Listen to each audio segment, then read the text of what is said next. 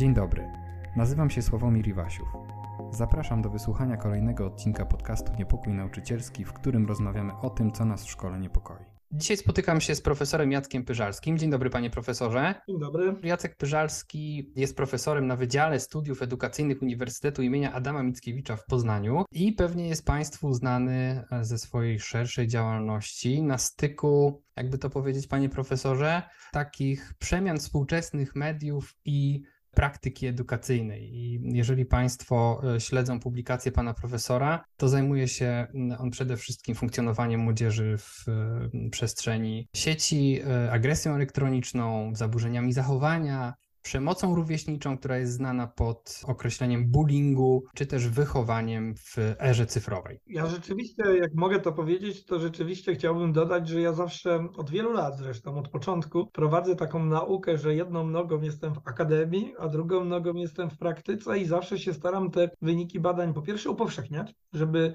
się komuś do czegoś przydały i odpowiedzieć na pytanie, no i co z tego, tak? Bo czasami mamy wyniki, no to możemy się dowiedzieć, ja staram się mówić co z tego, ale też z drugiej strony staram się, żeby te wyniki były przydatne dla praktyki pedagogicznej. To znaczy, żeby to nie tylko były te dwie rzeczy obok siebie, ale takie przeplecione ze sobą. I dlatego, panie profesorze, zaprosiłem pana do tego konkretnego odcinka podcastu Niepokój Nauczycielski, ponieważ dzisiaj chciałbym z Panem porozmawiać o tym, czego nie możemy się nauczyć od sztucznej inteligencji. Jak Państwo e, nas słuchający pewnie doskonale wiedzą, trwa od dłuższego czasu wcale nie nowa, jak mogłoby się wydawać, dyskusja na temat wpływu sztucznej inteligencji na różne obszary naszego życia, w tym oczywiście na edukację i pojawiające się e, jak grzyby po deszczu różnego rodzaju aplikacje, które wykorzystują dobrodziejstwa sztucznej sztucznej inteligencji, no jakoś jednak zmieniają ten nasz e, stosunek do tego, czego i jak się uczymy w szkole. Ale zanim do tego przejdziemy, to chciałbym porozmawiać o czymś, co przyszło mi do głowy, kiedy przygotowywałem sobie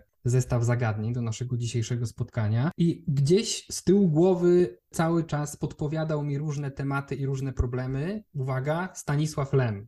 Ale nie w tym sensie, że mi się objawił gdzieś, e, gdzieś z zaświatów, ale bardziej na podstawie lektur pisarza science fiction, którego pewnie wszyscy mniej lub bardziej znamy i lubimy, no można wysnuć rozmaite wnioski na temat związków człowieka z nowoczesnymi technologiami czy sztuczną inteligencją. Chciałbym pana profesora zapytać y, na wstępie naszej rozmowy, czy tak w życiu prywatnym, poza tym, czym się pan zajmuje w nauce, czy pan raczej określiłby siebie jako taki technosceptyk, czy, e, czy jest pan zafascynowany nowymi technologiami? A, to jest takie pytanie, na które odpowiedź jest dość skomplikowana, bo tak, na pewno mm, potrafię wiele rzeczy wykorzystywać i do edukacji zdalnej, i wiele narzędzi takich związanych z, z, ze statystyką, z wizualizacją danych, no bo to jest moja praca, no i lubię to robić i się tym bardzo interesuję, jak to, jak to działa. Korzystam z mediów społecznościowych, chociaż staram się być umiarkowany i korzystać z nich do tego, żeby pokazywać rzeczy, które robię zawodowo, żeby ludzie z tego korzystali, choć lubię też inne elementy, ale też no, nie jestem jakimś zwierzęciem social mediowym, chyba takim, jakim mógłbym być. Dużo oglądam y, na przykład y, filmów i wykładów YouTube'owych różnych, bo wiem, czego tam szukać i, i, i to są róż, do różnych rzeczy. To, to, to, to wykorzystuję i się tym bardzo mocno interesuję też różnym instytucjom zwykle, kiedy mam takie możliwości pozwalam korzystać z tych właśnie obszarów, z tych właśnie, yy, znaczy z tych, z tych materiałów, tak, które, które prezentuję wiem, że, że sporo osób z tego korzysta, ale też na pewno nie jestem jakimś takim człowiekiem, który za każdą nową rzeczą interesuje się tym jakoś i tak dalej, ale na pewno nie jestem jakimś człowiekiem, który wyłącznie się tym zajmuje, tak, zajmuję się wieloma innymi sprawami także. U mnie ja dużo pracuję, więc u mnie generalnie wykorzystanie mediów jest bardzo i wykorzystanie w ogóle technologii jest takie bardzo zawodowe. I to tak można powiedzieć, że to jest chyba taki jednak główny obszar. Że ten drugi obszar to jest taką wisienką na torcie, takim dodatkiem. Wspomniałem Lema i chciałbym się teraz na chwilę zatrzymać przy jego, przy jego książkach, ale może też będzie on nam właśnie towarzyszył w całej tej rozmowie. Otóż, jak Państwo na pewno bardzo dobrze wiedzą, no w wielu utworach Lema e, dobrymi przykładami są Eden, znane pewnie wszystkim Solaris, e, opowieści mm. o pilocie Pirksie, a przede wszystkim ten Golem 14, który idealnie pasuje do całej tej dyskusji, która się teraz toczy wokół wykorzystywania chatbotów i ich różnych y, możliwości, ale też pewnych zagrożeń, które się wiążą z ich upowszechnieniem. E, no jak Państwo pamiętają, Golem 14 to taki zapis wykładu superkomputera stworzonego przez ludzkość w XXI wieku, superkomputera, który zyskuje samoświadomość i e, wygłasza ludziom wykład na temat ich własnego człowieczeństwa. No, coś takiego, w, co, w coś takiego bawimy się czasami z tymi różnymi chatbotami, z, z czatem GPT, zadając mu różne pytania, czasami mniej lub bardziej kontrowersyjne. I oczywiście ulema jest tak, wracając do jego książek na sekundkę, człowiek z reguły no, ponosi jakąś taką totalną porażkę w e, starciu z technologią i, i gdzieś tam musi mierzyć się z własną tożsamością. Panie profesorze, jak pan myśli, czy dzisiaj znajdujemy się, jak chcą e, twierdzić niektórzy współcześni humaniści, przy jakiejś takiej granicy człowieczeństwa? Czy technologia dzisiaj, jak pan obserwuje całą tę dyskusję, bierze pan w niej udział, czy, czy, technologia prześcignęła dzisiaj ludzkie zdolności? Myślę, że trochę tak, ale może zacznijmy od naszego tego głównego tematu, bo myślę, że to warto powiedzieć, bo wspomniał pan o tym, że sztucznej inteligencji, nawet sztucznej inteligencji w edukacji znajdziemy artykuły, znajdziemy rozważania, znajdziemy różnego rodzaju eseje, nawet datowane 30 lat wstecz, tak? Czyli można powiedzieć, że nic nowego, ale jednak coś nowego, tak? To skąd ten wybuch, tak, tematu? Czy on jest modny? No nie do końca, bo jednak ym, sztuczna inteligencja to coś, co funkcjonuje długo, nawet wielu ludzi nie zdaje sobie sprawy, że filmy, które im podpowiada jakiś portal na przykład, czy y, wyszukiwarka, to też jest sztuczna inteligencja, na podobnych zasadach trochę funkcjonuje to, że te algorytmy. Natomiast tak naprawdę, dlaczego tyle o tym mówimy? No bo nagle zaczynamy dostawać powszechnie dostępne i też bezpłatnie, albo nawet jak płatnie, to jednak nie, nie bardzo drogie, narzędzia mm, takie, w których się komunikujemy poprzez taki interfejs, który jest interfejsem rozmowy mm, zbliżonej do rozmowy z, człowiekiem. Tak? Wcześniej tak nie było. Posługiwaliśmy się tym trochę inaczej. Na pewno nie prowadziliśmy dialogu, na pewno to nie był taki interfejs, w którym mogliśmy pogłębiać rozmowę. Do tego stopnia przecież prowadzi się takie badania, że niektórzy mają wrażenie takie, że rozmawiają z kimś, a nie z czymś, tak? I ja mogę powiedzieć, że tak anegdotycznie, że kiedyś, ponieważ to dużo testowałem to narzędzie właśnie pod kątem tego, jak to wykorzystać w edukacji, i pamiętam, że w czasie tej rozmowy ja odruchowo kiedyś, kiedy tak porządnie je potestowałem, to je przeprosiłem. I, i, i w pewnym momencie mówię, co ja robię, tak? Co ja robię, że ja przepraszam to narzędzie, tak? Przecież ono się nie męczy, tak? Ono nie ma tożsamości, ale ja je potraktowałem tak, jakby miało i to był odruch. Oczywiście to śmieję się trochę z tego, ale z drugiej strony to pokazuje, że tak to jest, tak? I to jest pewna nowa jakość. Ja myślę, że nawet to już jest przełomem, tak? Że rozmawiamy, przecież proszę zobaczyć, że o tej sztucznej inteligencji, tej takiej czatowej, nazwijmy to umownie. No to ona, to nie jest tylko czat GPT we swoich wersjach, to są też inne narzędzia, to jest też taki wizualna, taka, ale o, tym, o tej inteligencji się mówi w literaturze, że to jest inteligencja współpracująca czy dialogowa. Proszę zobaczyć, że my generalnie, oprócz sytuacji, kiedy używamy przenośni, to używamy tego typu y, wartościowań, że coś jest dialogujące czy współpracujące raczej do istot żywych, a już głównie do człowieka, tak? Co prawda, no możemy współpracować z kotem, czy z psem, tak? Czy z koniem, tak? I to też tak się mówi, ale na pewno istot żywych, tak? Na pewno nie technologii. Na pewno gdybym powiedział chwilę temu, że nie wiem, współpracuję z moim telefonem komórkowym, no to ktoś by uznał, że to jest co najmniej niezręczne, że co najmniej nie, nie, nie, niezręcznie to brzmi. Więc to już jest przełom, tak? Że zaczynamy wchodzić w erę, w której ta komunikacja zaczyna być komunikacją z czymś, a odczucia i forma i, i, i mechanizmy tej komunikacji zaczynają być zbliżone jak komunikacja z kimś. I to już jest duży przełom.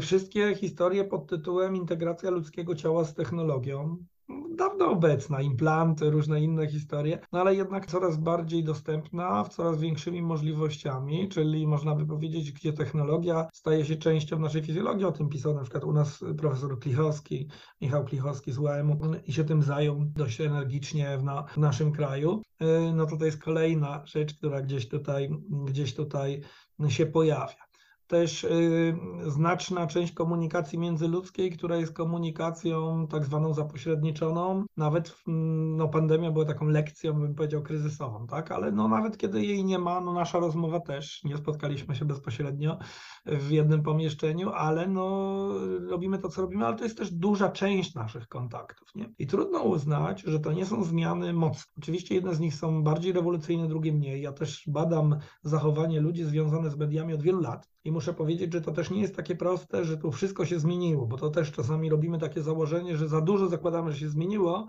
a gdzieś tam na ta natura ludzka wychodzi przy każdej technologii, w każdym czasie i tak dalej, gdzie nagle dochodzimy do wniosku, że żyjemy w czasach tak rozwiniętej technologii, ale to, co starożytni powiedzieli na temat ludzkiej natury, to ciągle się nam znajdziemy. Więc jednak jest coś stałego, pomimo tych różnych zmian technologicznych. Więc ja bym powiedział, że trochę to jest przełomowy czas. Można też powiedzieć, że zawsze czas jest przełomowy, tak? Więc to tak trochę filozoficznie o tym rozmawiamy, ale ja mam poczucie takiej przełomowości, ja też mam poczucie takiej przełomowości i powiem, dlaczego możemy mieć mocniejsze. Ze względu na tempo rozwoju tej technologii w czasie życia jednego pokolenia. Ja przecież jestem człowiekiem z czasów młodości przedinternetowych, tak popularnie, i nagle jestem człowiekiem w tym samym życiu, trochę lat starszy oczywiście, tak, kilkadziesiąt, ale jestem człowiekiem znowu, nie wiem, czasu dialogującej sztucznej inteligencji, a jestem też człowiekiem czasu nagrywania gier taśmy magnetofonowej, więc jakby chciałbym tutaj bardzo wyraźnie powiedzieć, że, że, że myślę, że coś jest. Ciekawe jest to, co pan profesor powiedział na temat tego dialogowania ze sztuczną inteligencją, a właściwie z tymi e, językami, które zostały napisane tego, żeby dialogować z człowiekiem. I to chyba najbardziej zostało podchwycone przede wszystkim w tej publicznej debacie. Dziennikarzom to się wyjątkowo spodobało, że można na różne sposoby testować rozmaite aplikacje. Nie tylko testować, ale też, ale też y, używać do różnych rzeczy, czy prywatnych, no bo proszę zobaczyć, tak, że z jednej strony można tak wąsko powiedzieć, zawsze technologię używamy narzędziowo, no, to będzie komuś potrzebne do pracy, tak, i możemy tak wąsko powiedzieć, że o, nauczyciel zaprzęgnie tą sztuczną inteligencję do swojego wozu edukacyjnego i dzięki temu na przykład zautomatyzuje pewne procesy, czy pewne rzeczy, które były, na które by nie miał czasu zrobić, tak, ja tu mogę dużo pomysłów powiedzieć, tak, że na przykład y, rzeczywiście bardzo łatwo automatyzuje poziom trudności ćwiczeń. Mogę poprosić o stworzenie ćwiczenia, a potem poprosić o przerobienie tego ćwiczenia łatwiejsze czy trudniejsze. No to gdyby nauczyciel chciał to przygotować takie różne typy ćwiczeń ręcznie, samodzielnie dla różnych uczniów w klasie, no to mógłby na przykład powiedzieć, nie mam czasu, tak? Albo mogłoby to być bardzo pracochłonne, czy obciążające i tak dalej, i tak dalej. Więc z jednej strony rzeczywiście tak jest, że to jest narzędzie, które no można tak wąsko spojrzeć, jak sobie rozmawiamy, że oto my zobaczymy, co ono potrafi, dowiemy się, nauczymy się z niego korzystać i będziemy korzystać. Ale z drugiej strony proszę zobaczyć, że jest cała sfera wykorzystania tego narzędzia w sferze pozazawodowej. Tak? Ja mogę rozmawiać z tym narzędziem o swoich problemach, ja mogę prosić, żeby ono mi doradziło czegoś, tak? Ja mogę wręcz zbudować z nim coś w rodzaju pararelacji, tak? I teraz, no tak najprostszy przykład powiem, no a jak będzie ktoś, nastolatek na przykład, już weźmie nastolatkę, z którym nikt nie rozmawia, a będzie z nim rozmawiał bardzo ładnie czat GPT, to czy on się z nim zaprzyjaźni? Może być, że tak, tak. No bo lepiej rozmawiać z czatem GPT niż z nikim, a jeżeli ten jeszcze ten czat GPT będzie tak rozmawiał, że będziemy mieć wrażenie, czy on będzie miał wrażenie, że rozmawia z kimś, właśnie to, co wcześniej wspomniałem, nie z czymś, to to już zaczyna być inna kwestia, tak? Zaczyna być kwestia tego, czy jak sobie na przykład, jak już mówimy o zagrożeniach z kolei, czy jak sobie tak zautomatyzujemy wszystkie rzeczy, tak? Jak uczeń za pomocą czata GPT przygotuje zadanie dla nauczyciela, a nauczyciel za pomocą czata GPT je sprawdzi, to czy my w ogóle jeszcze będziemy się koncentrować na jakimkolwiek myśleniu czy analizie,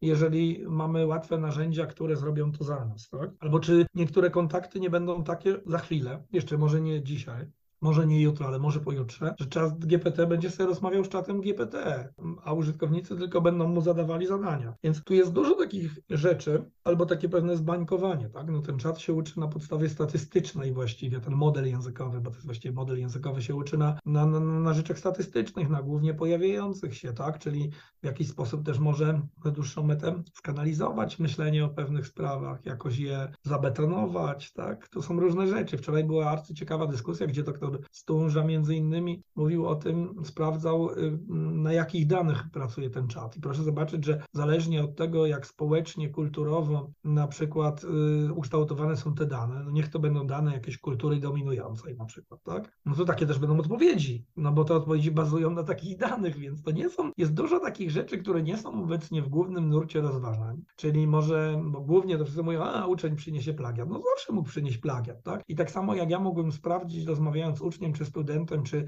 kupił pracę, czy dostał od kogoś, to mogę teraz sprawdzić, czy ktoś inny ją napisał, bo wystarczy, że siędziemy i porozmawiamy o tym, jak on rozumie to, co napisał, tak? I w tym momencie nieważne, czy to jest praca kupiona, czy napisana przez czas, co to rozwiąże. Ten, o tym temacie wszyscy rozmawiają bardzo dużo, a ja myślę, że to jest najmniejszy problem że to jest do załatwienia, nie? Że, to, że, że nie zawsze, kiedy rozmawiamy sobie tak o tym czacie GPT i jego roli w społeczeństwie, w rozwoju. No ja głównie się koncentruję na tym, na młodych ludziach i na edukacyjnym jakby aspekcie tej, tej, tej technologii. No ale niekoniecznie główny nurt dyskusji jest, jest to uzasadnione, że to jest właśnie główny nurt. Ja mam wrażenie takie, że jest dużo tych wątków, choćby, mm, które przed chwilą wymieniłem, ciekawych, które, mm, które niekoniecznie są w głównym nurcie, a niektóre z nich mam wrażenie to w ogóle prawie nie są dyskutowane. Czyli bardzo niszowo są dyskutowane, a to wcale nie znaczy, że one są mniej ważne, bo najważniejsze są te, o, o, których dużo słyszymy. Też mi się to wydaje interesujące, że właściwie na razie jest tak, że te formy sztucznej inteligencji, o których tutaj mówimy, no one jednak działają w taki sposób, że trzeba najpierw coś do nich, mówiąc potocznie, wgrać, żeby one mogły oddać mm, jakąś taką e, mieszankę tych treści, które się im udostępni. Właściwie to nie jest nic więcej. Ale to zawsze tak będzie, tylko żeby to była mieszanka, to byśmy się tak nie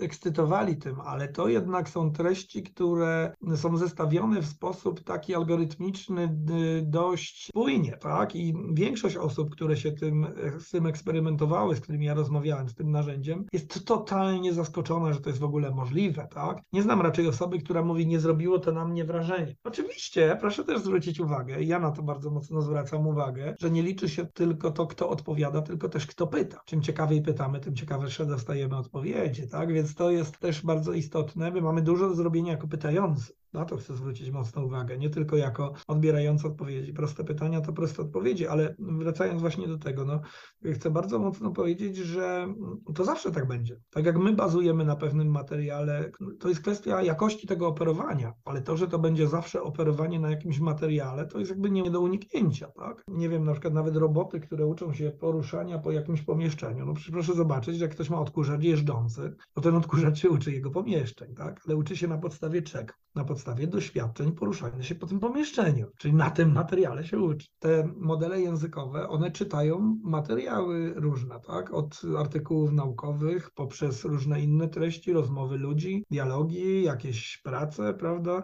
Ogromną oczywiście masę tych materiałów czytają, no i później właśnie na zasadzie sieci neuronowych, czyli proszę znowu zwrócić uwagę, że tym punktem odniesienia jest lud, człowiek, znowu, tak? Czyli punktem odniesienia jest, jest żywa istota, bardzo to jest też ciekawe, proszę zobaczyć na symbolikę, bo ja się też przyglądam nie tylko temu, jak to działa, ale też temu, kto i co mówi na ten temat, tak? Na przykład, czy inaczej mówią ludzie z nauk technicznych, a ludzie z nauk społecznych, albo czy inaczej mówią o tym politycy, a inaczej mówią o tym praktyce, a inaczej mówi ktoś. Bo to jest też ciekawe, że ten dyskurs jest bardzo nierówny i różne środowiska bardzo różnie y, funkcjonują. I chciałbym tutaj powiedzieć bardzo mocno i chciałbym tutaj powiedzieć bardzo, bardzo, bardzo wyraźnie, że też jest ciekawa symbolika. Bo na przykład proszę zobaczyć, że mówimy o technologii, a większość wykładów, które oglądam na ten temat, czy jakichś opracowań, stosuje symbolikę biologiczną na przykład y, ludzkiego mózgu.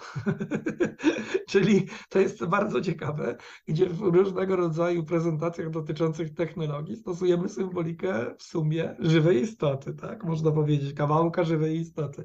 To, jest, to już pokazuje bardzo, jak to jest właśnie technologia, która no ma coś wspólnego z żywą istotą, tak? W swoim odbiorze i tak dalej, bo to też nie jest przypadek, jakiej symboliki korzystamy. Dlaczego na przykład większość tych prezentujących, no dobra, można powiedzieć, oni się naśladują jakoś, pewnie też, tak? Ale dlaczego oni nie stosują symboliki technologicznej? Przecież tego jest mnóstwo, tak? Można by ilustrować tego typu wykłady, nie wiem, zdjęciem procesora, tak? Albo na przykład jakieś komputera, tak? Albo czegokolwiek tam innego, a, a, a jednak dominujący jest ten, dominująca jest ta prezentacja tego typu, tak? Czyli widzimy kawałek centralnego układu nerwowego. Więc tak to właśnie wygląda. Jakąś odpowiedzią na to pytanie mogłoby być y, no, stwierdzenie z Lema, czy taki wniosek, który płynie z jego książek, że człowiek czego by nie robił, jak daleko we wszechświecie, w kosmosie nie szukałby obcych światów, no to zawsze znajduje tylko i wyłącznie własne odbicie. To prawda. I też proszę zwrócić uwagę, przecież mamy tą historię tej wcześniejszej sztucznej inteligencji Microsoftowskiej, która to się tak szybko nauczyła od ludzi brzydkiego odzywania się, że musiano ją wyłączyć, tak? bo, bo, bo,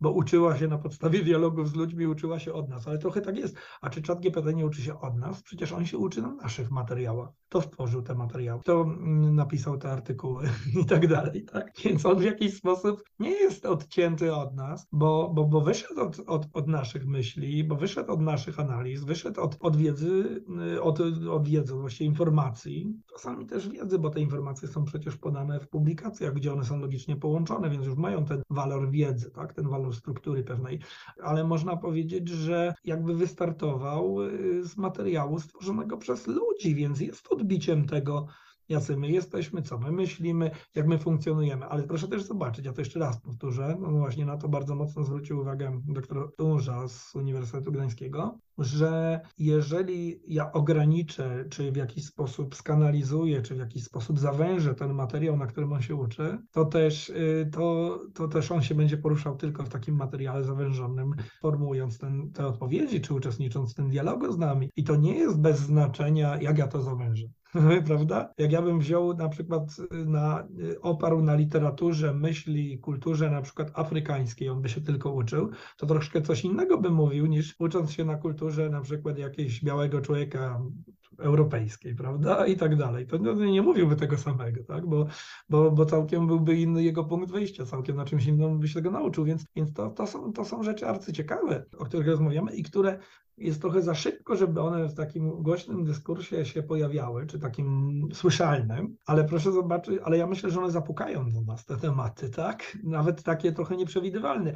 Wspomniał pan Stanisława Lemano i, i wszyscy podziwiamy jego taką dużą intuicję futurologiczną, tak? Że on mówił, co będzie i jest, prawda? Na przykład między innymi mm, wiele osób mówi, no przewidział y, czytniki na przykład książek, tak? I tak dalej, i tak dalej, ale my się często mylimy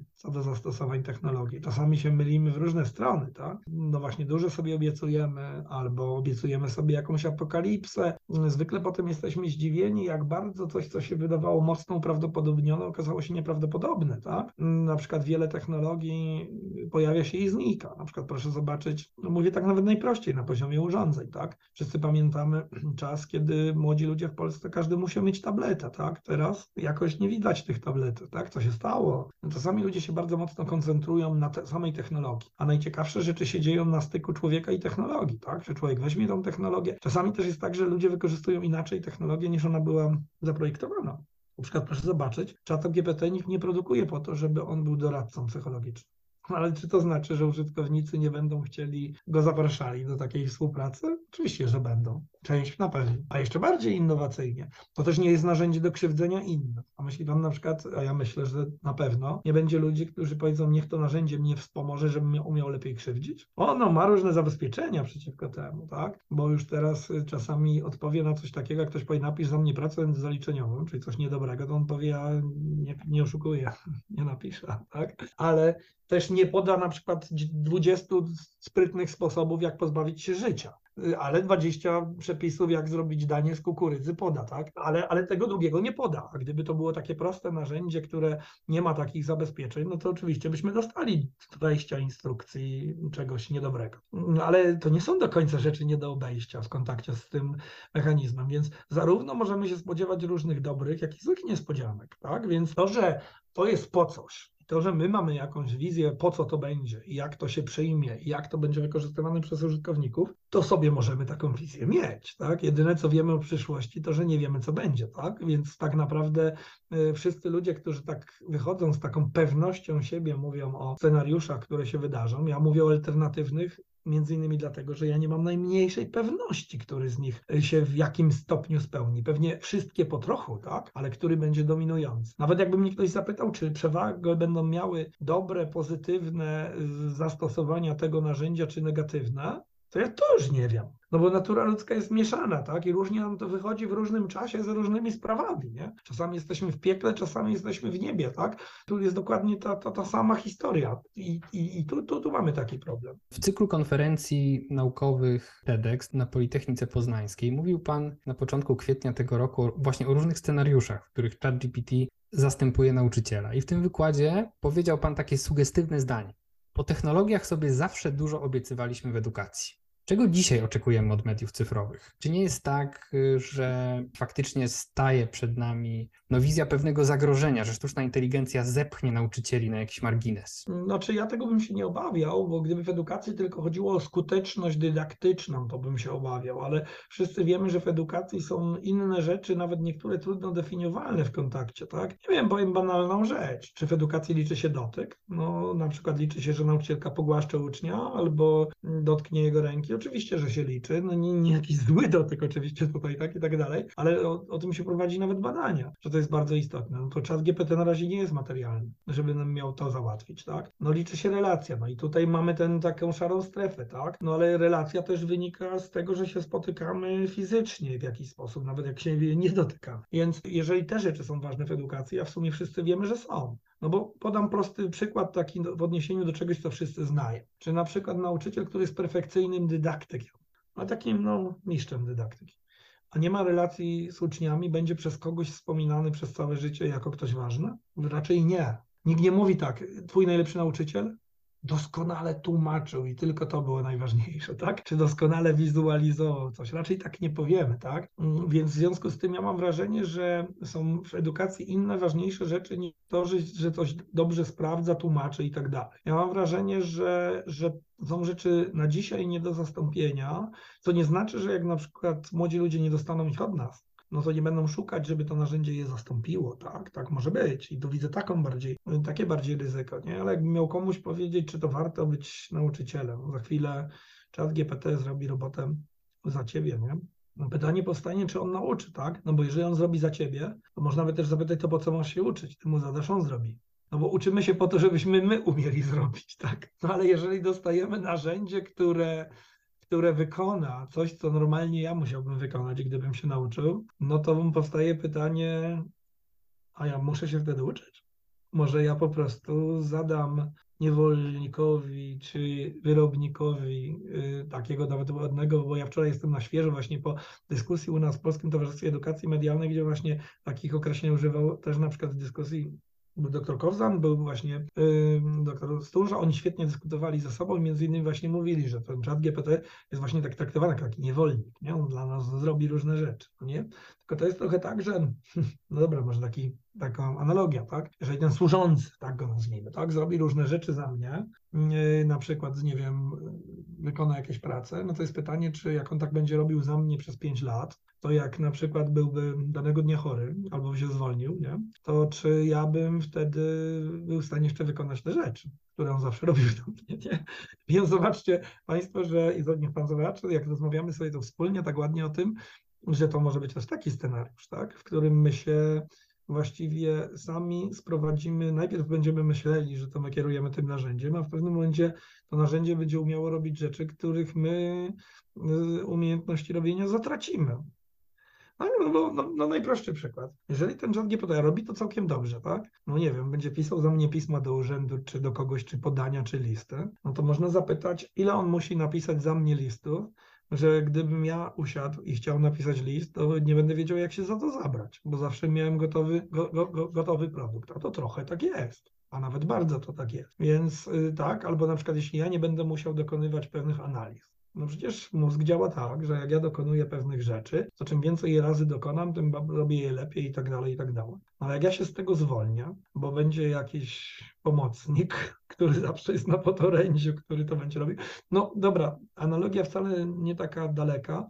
Czy korzystając non-stop z nawigacji, na przykład chodząc i tak dalej, to ja się zaczynam, to ja na przykład mam jakąś orientację w przestrzeni bez korzystania z technologii po jakimś czasie. No niewielką, tak? Są na przykład osoby, które po pewnym czasie nawet w, znam dużo takich przypadków blisko w lokalnym środowisku nie są w stanie się poruszać bez nawigacji, ponieważ y, ta nawigacja już jest jakąś codziennością, robi to za nich, tak? Nie muszą sprawdzić na mapie, nie muszą zapytać, nie muszą się rozglądać nawet specjalnie przestrzeni, gdzie co jest i jak, no bo to jest niepotrzebne, nie? Ale po jakimś czasie zepsuje mi się telefon, tak? Czy zablokuje się aplikacja, się nagle okazuje, że gdzie się tu udać i jak, nie wiadomo, tak? Bo to było narzędzie, które mnie wyręczało, więc a mało się o tym mówi, prawda? Raczej mówimy, że zrobi nam takie wspaniałe rzeczy, nie? Ale co zrobi w, dłuż, w dłuższej perspektywie z nami, nie? jako z gatunkiem, nazwijmy to, czy, plemiem, plemieniem ludzkim, tak? Co zrobi? No, no mówię, nie wiem do końca, tak? Bo mówię, tutaj jeszcze inne rzeczy wchodzą w grę, no bo to jest jeden czynnik. No, wszyscy dużo planowaliśmy, nagle mieliśmy czas pandemii, tak? Albo czas wojny, tak? Sobie tak planujemy, a tu nagle przychodzi coś i mówi, sprawdzam, albo zmieniam, albo coś tam, coś tam się dzieje innego. Więc mówię, ja jestem bardzo ostrożny sam, ale też się trochę uśmiecham zawsze, jak ktoś tak wychodzi i mówi, to ja wam tu powiem, co sztuczna inteligencja zrobi w ciągu trzech lat z nami wszystkimi. Ja tu dam listę zawodów, które znikną, tak? A może przykład się zredefiniują te zawody, tak? A może na przykład nie znikną, tylko skutecznie zaprzęgą tą sztuczną inteligencję dialogującą do, do swojej, znaczy do, do, do tego, co się tam dzieje w tych zawodach, co tam się wykonuje, nie? Ja nie wiem, ale na pewno trzeba to poddawać namysłowi, bo ja nawet jak rozmawiam z nauczycielami, to mówię, że właściwie tu mamy do wyboru trochę między takimi dwoma tendencjami. Albo ta technologia coś robi, zrobi z nami, albo my coś zrobimy z nią. Będzie pewnie po trochu i tak, i tak, ale ja bym wolał, żeby to drugie przeważało. Rozmawiamy o takich rzeczach, które do tej pory mogły się wydawać bardzo futurystyczne. To są szybkie zmiany w rozwoju technologii, ale jakbyśmy mieli na chwilę zejść na ziemię do tego naszego szkolnego polskiego środowiska, no to chciałbym zadać panu profesorowi takie pytanie.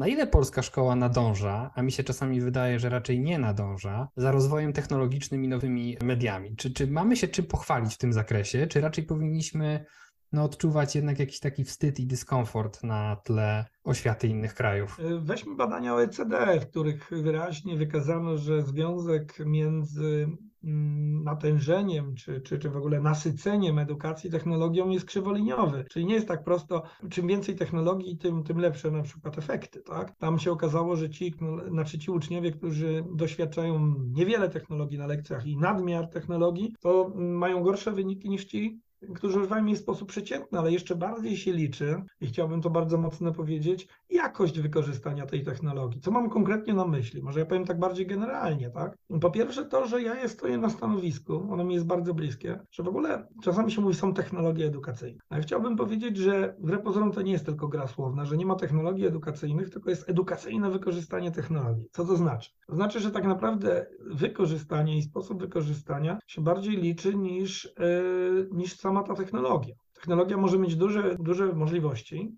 ale może się okazać, że żadna z nich nie zostanie wy, wy, wykorzystana. Ja mogę na przykład wyposażyć, bo świat to już sprawdził, mogę wyposażyć uczniów w sprzęt, szkoły w sprzęt i nie dość, że nie będzie efektu, to może być do tyłu. Może być gorzej niż było, tak? A ktoś inny może użyć bardzo prostej technologii. Na przykład są technologie czy rozwiązania na przykład y, aplikacyjne, nie wiem, najprościej jakiś PowerPoint czy coś w tym stylu, tak? Uważane za bardzo bierne, tak? No ja na przykład mam milion sposobów, jak wykorzystać takie narzędzie w sposób aktywny i aktywizujący osoby uczące się, tak? Czyli można to zrobić. Tylko to właściwie nie robi wtedy tego technologia, tylko robi ten, kto ma tą technologię w ręku. Więc jak mówimy o polskiej szkole, to z reguły ktoś mówi, czy te szkoły są wyposażone. Czy my mamy ten sprzęt? No oczywiście to jest jakaś baza, nie? Chociaż tu są różne koncepcje, też koncepcje uczniów pracujących na swoim sprzęcie w wielu krajach obecne i tak dalej. Sprzęt się starzeje, sprzęt się psuje, nie? Więc są koncepcje takie właśnie przynieść swoje urządzenie tak zwane, tak, nie? Czyli, czyli, czyli w ten sposób. No nie można tylko na tym bazować, ale to też to jest akurat najmniejszy problem. No, nie, no, bez przesady, jakiś jest, no bo to są technologie, no one muszą jakoś funkcjonować, ale na pewno to nie załatwia sprawy. Sprawy bardzo mocno załatwiają kompetencje nauczycieli. Teraz znowu, co to są te kompetencje cyfrowe nauczycieli? Wiele osób to postrzega bardzo wąsko i mówi, no, że oni umieją obsługiwać dane oprogramowanie, na przykład platformę do komunikacji online, taką jak my rozmawiamy, czy jakąkolwiek inną. No dobra, jest to jakiś element kompetencji cyfrowych nauczycieli. Ale kompetencje cyfrowe nauczycieli to są inne rzeczy. Czy ja umiem, korzystając z tych narzędzi, stymulować współpracę? Czy ja umiem stymulować zaangażowanie? Czy ja umiem za pomocą tych narzędzi różnicować pracę z różnymi podgrupami uczniów o różnych potrzebach? Czy ja umiem oceniać za pomocą tych historii? Czy ja umiem budować relacje, korzystając z tych narzędzi? i podtrzymywać te relacje. Czy jakby te kompetencje, większość z tych kompetencji to nie są kompetencje obsługi, tylko to są kompetencje społeczne. Ale mówię, czasami się to właśnie upraszcza. Tak? Jak umiem obsługiwać taką platformę, to to już jestem dobrym edukatorem. Mogę ją obsługiwać tak, że ją obsługuję, włączę, wyłączę, zrobię, ale to nie tu tkwi główna, główna potrzeba, tak? Tutaj w tej obsłudze takiej o charakterze operacyjnym. A gdzie na przykład umiejętności tego, żeby uczyć uczniów krytycyzmu, tak? Mm, są tacy ludzie, Umberto Eco kiedyś tak powiedział, że miał być jeden przedmiot w szkole, to tym przedmiotem powinno być no, krytycyzm wobec informacji, tak, tak trochę upraszczając, tak? I coś w tym jest, tak? Bo proszę zobaczyć, my mamy teraz nadmiar informacji prawdziwych, półprawdziwych, nieprawdziwych, pomieszanych, zakopanych prawdziwych pod nieprawdziwymi, pomieszanych prawdziwych z nieprawdziwymi i tak dalej. I to, co kiedyś było problemem, to był dostęp do informacji. Tylko nauczyciel miał książkę w domu, tak? Jak trochę upraszczając. To teraz problemem jest jakby poruszanie się po tym całym wysypisku i znalezienie tam skarbu, no nie? I teraz no właśnie, czy uczymy tego, tak? I czy sami to umiemy się jeszcze w tym wszystkim połapać, w tym przeładowaniu informacją, nie? Więc to są ciekawe rzeczy. Więc trochę wracając do Pana pytania, czy polska szkoła to umie. Przede wszystkim proszę zobaczyć, że myśmy boleśnie się nauczyli w czasie pandemii, że to nie jest takie proste z tymi technologiami. No, można powiedzieć, że ten pandemijny czas on był takim czasem, gdzie zobaczyliśmy, gdzie, gdzie, gdzie ktoś mógł powiedzieć, no tak, tak, nie chcieliśmy tych technologii, ale pandemia nas zmusiła. W trzy dni w marcu 2020 roku musieliśmy się jakoś powoli, a naprawdę tego, na tym poziomie się wiele osób bardzo szybko nauczyło, no, korzystać z tych narzędzi komunikacji i edukacji zdalnej. Tylko, że jakby ktoś miał się bliżej przyjrzeć choćby naszym diagnozom, myśmy bardzo dużo prowadzili badań w tym czasie, w 32 szkołach, w 11 krajach na przykład i tak dalej, i różne tam inne rzeczy, to mm, tak naprawdę jakoś cud się nie wydarzył. Tak? To znaczy nie było takiej sytuacji, że powiedzieliśmy, no jak to teraz wprowadziliśmy te technologie, jak to wszystko dobrze idzie, jak ci uczniowie zadowoleni. Nikt tak nie, nie odczuwał tego i żadne też diagnozy bardziej uporządkowane tego nie pokazywały. Ani nam się łatwiej nie uczyło, ani uczniowie się nie uczyli sprawniej, ani nie mieliśmy wyższych efektów i tak dalej. Mimo, że tej technologii jakoś ogarnęliśmy na tym poziomie obsługi. Czy mogło być lepiej? Mogło być, gdybyśmy y, y, mocniej, bardziej i bardziej powszechnie, bo byli ludzie, którzy, którym to poszło dużo. To też nie jest tak, że każdy nauczyciel tak samo, tak? Czy każdy wykładowca, bo ja przecież też to robiłem na uczelni, że prowadziłem zajęcia online, ale to, co mogło nas uratować i to, co mogło dać dużo lepszy efekt, to właśnie takie nasze kompetencje, ale te kompetencje już, o których mówiłem wcześniej, daleko wykraczające poza te obsługowe czy obsługi yy, kompetencje. Przypomnijmy słuchaczkom, słuchaczom, że w ośrodku poznańskim jako pierwsi w Polsce przygotowaliście pod Pana kierownictwem e, książkę pod tytułem Edukacja w czasach pandemii wirusa COVID-19, która wyszła już w kwietniu 2020 roku. 19 dni po zamknięciu szkół. Tak, trzy lata minęły, to trudno uwierzyć. Ja byłem z ośrodka poznańskiego i tam profesor Natalia Walter była z ośrodka poznańskiego, ale zaprosiliśmy ludzi z całej Polski. Jeszcze raz im chcę podziękować, bo nikt nie odmówił, e, ale to byli i praktycy i, i też ciekawe, że myśmy nie zaprosili informatyków. Ktoś mógł pomyśleć, taka publikacja to pewnie sami od technologii. O nie, nie, bo to wykorzystanie technologii miało te aspekty psychologiczne, zaprosiliśmy psychologów, interwentów kryzysowych i tak dalej. I to rzeczywiście była taka darmowa publikacja. Yy, nazywała się edukacja w czasach pandemii wirusa COVID-19. I z takim, z takim ciekawym podtytułem, z dystansem o tym, co robimy. Dystansem o tym, co robimy. No właśnie, to słowo dystans jest ciekawe, bo ono z jednej strony mówi o czymś niedobrym. Mówimy, trzymał dystans. I nie, nie lubimy takich sytuacji, ktoś do nas trzyma dystans, ale ja tu miałem na myśli bardziej taki dystans, usiąść, stanąć obok, zastanowić się, o co nam naprawdę chodzi, jak się w tym wszystkim połapać. Mnóstwo osób była zagubiona, a już na pewno wtedy, kiedy wydaliśmy tę książkę, będę całe życie pamiętał, jak dzień i noc te teksty sprawdzałem, czytałem, y, dyskutowałem z autorami i tak dalej. To pomogła nam Eduakcja, która to wydała technicznie i zasponsorowała tę taką produkcyjną część y, tego przedsięwzięcia, bo to było darmowe dla odbiorców y, narzędzie. No, ze 100 tysięcy osób ściągnęło różne wersje tego i miałem dużo takich oddolnych listów od nauczycieli z różnych ośrodków. Dobrze, że to zrobiliście, bo przynajmniej się trochę zorientowałem, jak w ogóle tą edukację ugryźć, tak? To zresztą proszę zobaczyć, ktoś powie, w Polsce to był problem. To wszędzie był problem. To się nazywa w literaturze, teraz w różnych analizach kryzysowa edukacja zdalna. No to chyba to słowo wszyscy wiemy, że znaczy sytuację specjalną problemową i tak dalej. Ale dlaczego mówię, że to było bardzo ważne? Bo to też pokazało, jak bardzo aspekt mediów jest aspektem no nie tylko tak, jak go kiedyś traktowaliśmy narzędziowym, ale życiowym. No bo kiedyś to było tak, no naucz się, zdobądź kompetencje cyfrowe, bo to ci w pracy będzie potrzebne, będziesz tego używał jak młotka. A teraz się mówi, zdobądź kompetencje cyfrowe, bo to są kompetencje życiowe, jakich nie zdobędziesz, to w różnych sferach ci się może różnie po, podziać, tak? Więc jakby to, to, jest, to, jest, to jest kompletna też rewolucja w myśleniu, w myśleniu w ogóle o tym, czym są te kompetencje cyfrowe. Ciągle oczywiście pokutują takie wąskie modele, tak? Ja ciągle to słyszę, że kompetencje cyfrowe, kompetencje cyfrowe dla rynku pracy. Aha, to to jest y, wierzchołek góry lodowej, albo jeden, jeden y, trójkącik, jedno ciasteczko w torcie a te kompetencje cyfrowe są dużo szerzej rozumiane obecnie i też w życiu są dużo, ślizgnęły się wszędzie. Właściwie nie ma żadnej kompetencji teraz, która nie jest w jakimś zakresie cyfrowa. I to jest też ciekawe, że w ogóle to można by zapytać, czy to należy dzielić. Może, może powinniśmy mówić o cyfrowym komponencie kompetencji, no już tak trochę teoretyzując, tak? I to wbrew pozorom słowa nam, kształtują naszą świadomość i to nie jest to samo cyfrowy komponent kompetencji, co kompetencje cyfrowe, które są jakoś oddzielone czy wystane z naszego świata i idą w świat cyfrowy samym tym podziałem. Tak? To jest tak, jak kiedyś używaliśmy w literaturze i w badaniach, ciągle potocznie się tego używa, podejście na coś, co robimy w komunikacji online, jak używać, używaliśmy pojęcia wirtualny, a na coś, co robiliśmy nie online, realny, tak? Gdzie ten podział bardzo wyraźnie implikował coś takiego, że część z tego doświadczenia jest doświadczeniem prawdziwym, takim, któremu możemy wierzyć, realnym, a część nierealna. Natomiast cała wiedza obecna pokazuje, że to, co się dzieje online, jest w zupełności realne. Jak się dzieje coś złego, ktoś mnie obrazi, czy zniszczy, to mnie zniszczy naprawdę.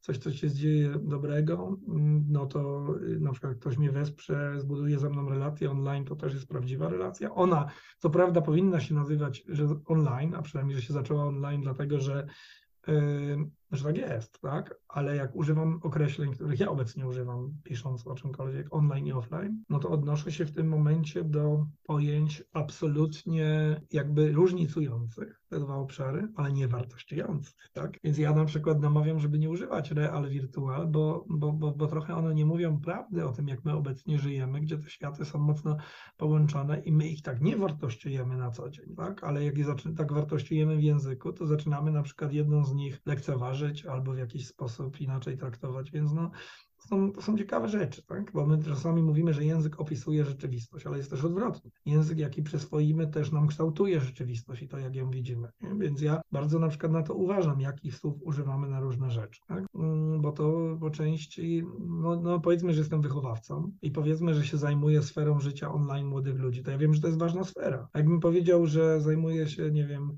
wirtualnym światem, to bym powiedział, możemy na to machnąć ręką, bo to jest jakaś tam wirtualna zabawa, tu prawda, się dzieje tutaj, tam się dzieje nieprawda, podróbka.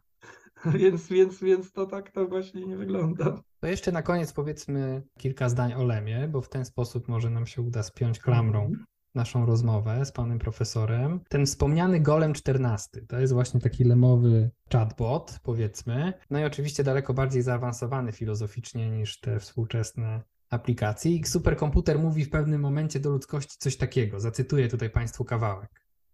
Tak więc wejdziecie w ekspansję rozumu, opuszczając ciała. Albo zostaniecie niewidomymi, których widzący prowadzi, lub wreszcie zatrzymacie się w jałowym zgnębieniu. Koniec cytatu. I mamy jakby według Lema dwa wyjścia. Albo poddajemy się technologii, ona będzie prowadzić nas jak tych w cudzysłowie niewidomych, albo powstrzymamy postęp, ale to przecież doprowadzi nas do swego rodzaju stagnacji. Który z tych scenariuszy wydaje się panu dzisiaj prawdopodobny? Hmm, bardziej odbieram emocjonalnie niż racjonalnie. Najbardziej się, się czuję jakiś zachęcony do tego, żeby odpowiedzieć nie wiem, bo nie wiem, hmm, który bym chciał. Może jest jakiś trzeci, tak? Może jest coś takiego, że nie powstrzymujemy postępu, ale robimy mocny taki mocny taki namysł etyczny nad tym, jak używamy i tu sobie narzucamy pewne ograniczenia, co nie zawsze jest powstrzymaniem postępu, ale jeszcze czasem no, jakby decyzjami co do, do, do czego i jak pewne narzędzia są wykorzystywane. Pewnie to będzie ciągle negocjowane w praktyce, czyli będziemy tak trochę y, przeciągali linę tutaj y, w tej i we w te.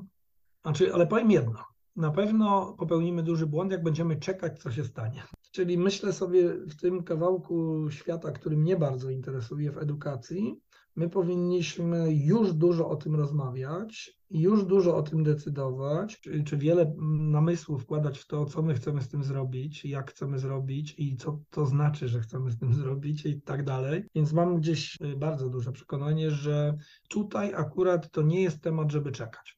Dlaczego? No choćby dlatego, że bardzo szybko się zwiększają możliwości tych narzędzi. I my sobie tak rozmawiamy na przykład o tym, co ja mówiłem wcześniej, że ma trudności, ten czat, nie wiem, poczuciu humoru, w jakichś tam zestawieniach jakichś, a ktoś już mówi, ale te nowsze to już lepsze są w tym, tak? I tak dalej. Więc na przykład ja mogę mówić, ok, nie zastąpi nas w czymś, albo się nie przybliży do nas w czymś, na przykład takiej komunikacji nie nazwijmy edukacyjnej, tylko takiej komunikacji, no dobra, o charakterze wsparcia, czy quasi przyjaciela, tak?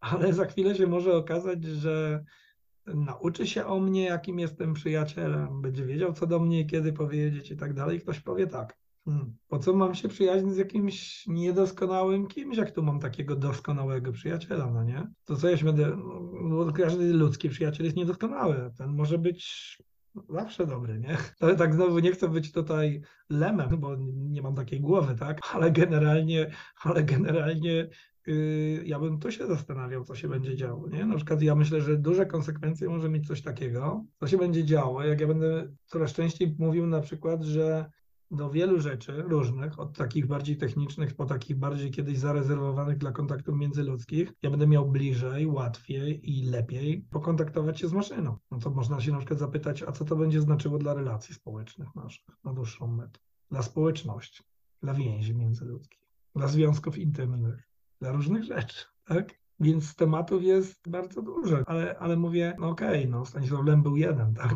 Który przewidywał różne rzeczy, no ale no właśnie, no co my przewidzimy, nie? A czego my nie przewidzimy, nie? Więc ja bym nawet nie próbował, tak? Lepiej się u, uchylić od odpowiedzi na to pytanie, niż, niż, yy, niż mówić z dużą pewnością siebie rzeczy, których się nie wiem. To jest ciekawe. Ja w ogóle uważam, że w dzisiejszych czasach to nas trochę gubi, że to jest wstyd nie wiedzieć. Ja wiem, czy to jest wstyd nie wiedzieć. To nie jest wstyd nie wiedzieć, tak? No, więc tak wydaje mi się, że tak powiem. Nie wiem, nie wiem. Panie profesorze, bardzo dziękuję za rozmowę. Dziękuję. Moim i Państwa gościem był profesor Jacek Pyżalski z Wydziału Studiów Edukacyjnych Uniwersytetu im. Adama Mickiewicza w Poznaniu. Przypominam przy okazji, że zarówno ten, jak i kolejne odcinki podcastu Niepokój Nauczycielski można słuchać zarówno na stronie zcdn.edu.pl, jak i w serwisie Spotify, gdzie można nas znaleźć pod hasłem podcasty ZCDN-u. Niepokój nauczycielski realizuje Grzegorz Sadłowski. Ja nazywam się Sławomir Iwasiów. Do usłyszenia i powodzenia.